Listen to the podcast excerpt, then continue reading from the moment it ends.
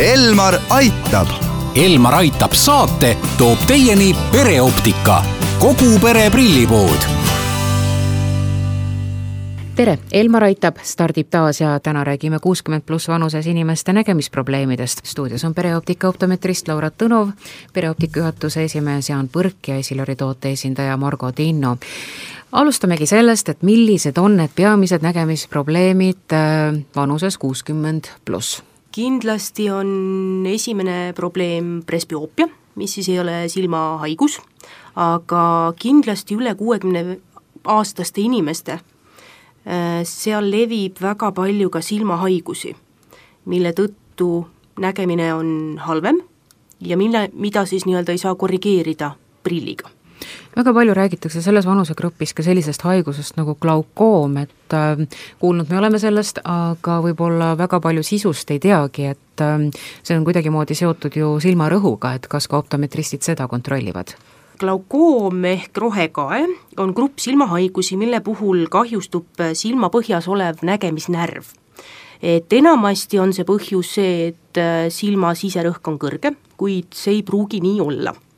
Ehk siis milles see näiteks väljendub, on see, et äh, kui nüüd äh, silmarõhk rõhub sinna silmapõhja, siis inimese vaateväli hakkab ahenema, see tähendab seda, et lõpuks inimene vaatab, nagu tal oleks ees binokkel glaukoomiga on aga selline asi, et äh, enamasti glaukoom areneb hästi aeglaselt, mis tähendab seda, et inimene ise ei avasta seda enne, kui siis see vaateväli on väga nii-öelda kitsas juba.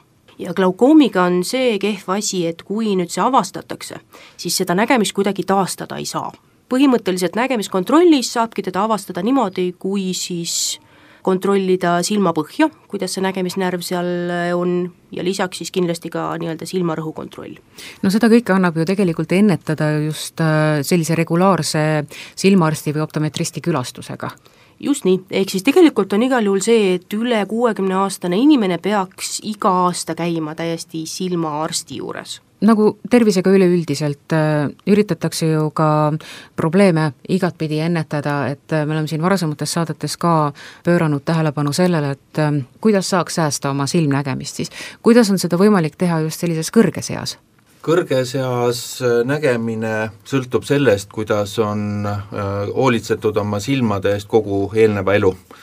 kui on kantud õigeid prille, siis on üleminek ka tugevamatele prillidele mugavam, kui on selline olukord, et see vahe kaugele vaatamise ja lugemise juures on juba nii suureks muutunud ja sellise progressiivse prilli tegemine äh, nõuab inimeselt päris palju harjumist.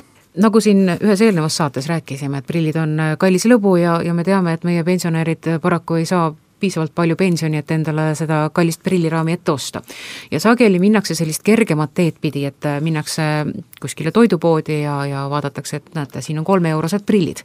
millal nagu sellist varianti noh, iseenesest ju võiks kasutada või siis pigem ikkagi mitte ja hoiduda nendest kolmeeurostest? ei, need kolmeeurosed prillid on äh, määratud selleks, et äh, võiksime poes vaadata lühiajaliselt neid toiduainete äh, väikseid silte või siis teha mingisugust lühiajalist kiiret tolmustööd, väga head äh, instrumendid, aga kui on vaja olla prillidega kauemat aega, siis peaks juba need prillid olema spetsiaalselt inimese vajadusi arvestav ja täpselt nende mõõtude järgi, mis, mis on määratud. Kauplustes müüdavad prillid, mis ei ole tehtud konkreetse inimese järgi, seal on niivõrd palju sellist äh, optilist äh, kõrvalmõju meie nägemisele, et äh, pikaajalisel kasutamisel lihtsalt äh, see häirib meie nägemist ja me kulutame mõttetut ressurssi ja energiat selleks, et võimalikult ikkagi hästi näha. kuna need, need optilised tsoonid ja tugevused ja tsentreeringud ei ole õiged. ja mida varem me hakkame selliseid ebamääraseid asju kasutama, seda lähemale tulevad just need haigused, millest me siin alguses rääkisime. aga kui me räägime tänapäeva optikast veel natukene, siis see on üsna keeruline ja sageli ei saada sellest ju nii väga täpselt aru. ometi on nüüd selle nimel päris palju tööd tehtud ja Kassilor on teinud sellise toreda kampaania Aeg näha. mis nüüd selle sisu on ja kuidas ta saab just olla kasulik äh, nii seal selles nelikümmend pluss vanusegrupis, viiskümmend vanusegrupis ja ka kuuskümmend pluss vanusegrupis?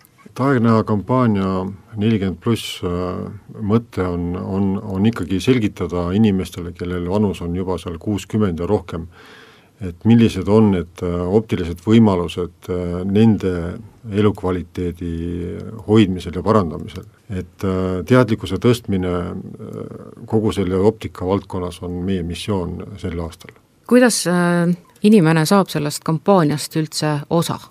pereoptikal on väga hea meel, et äh, suur maailma kontsern on sellise kampaania välja töötanud ja on äh, liitunud selle kampaaniaga kõige paremini saabki infot jagada just kaupluses, et tulla kohale, küsida nõu ja kõik meie töötajad hea meelega oskavad täpselt ära seletada siis, missuguse protsessiga oleks seda nägemist kõige parem parandada ja, ja loomulikult siis juba optometristi juures silmakontroll ja konkreetselt sellele tulemusele vastav soovitus ka klaaside puhul.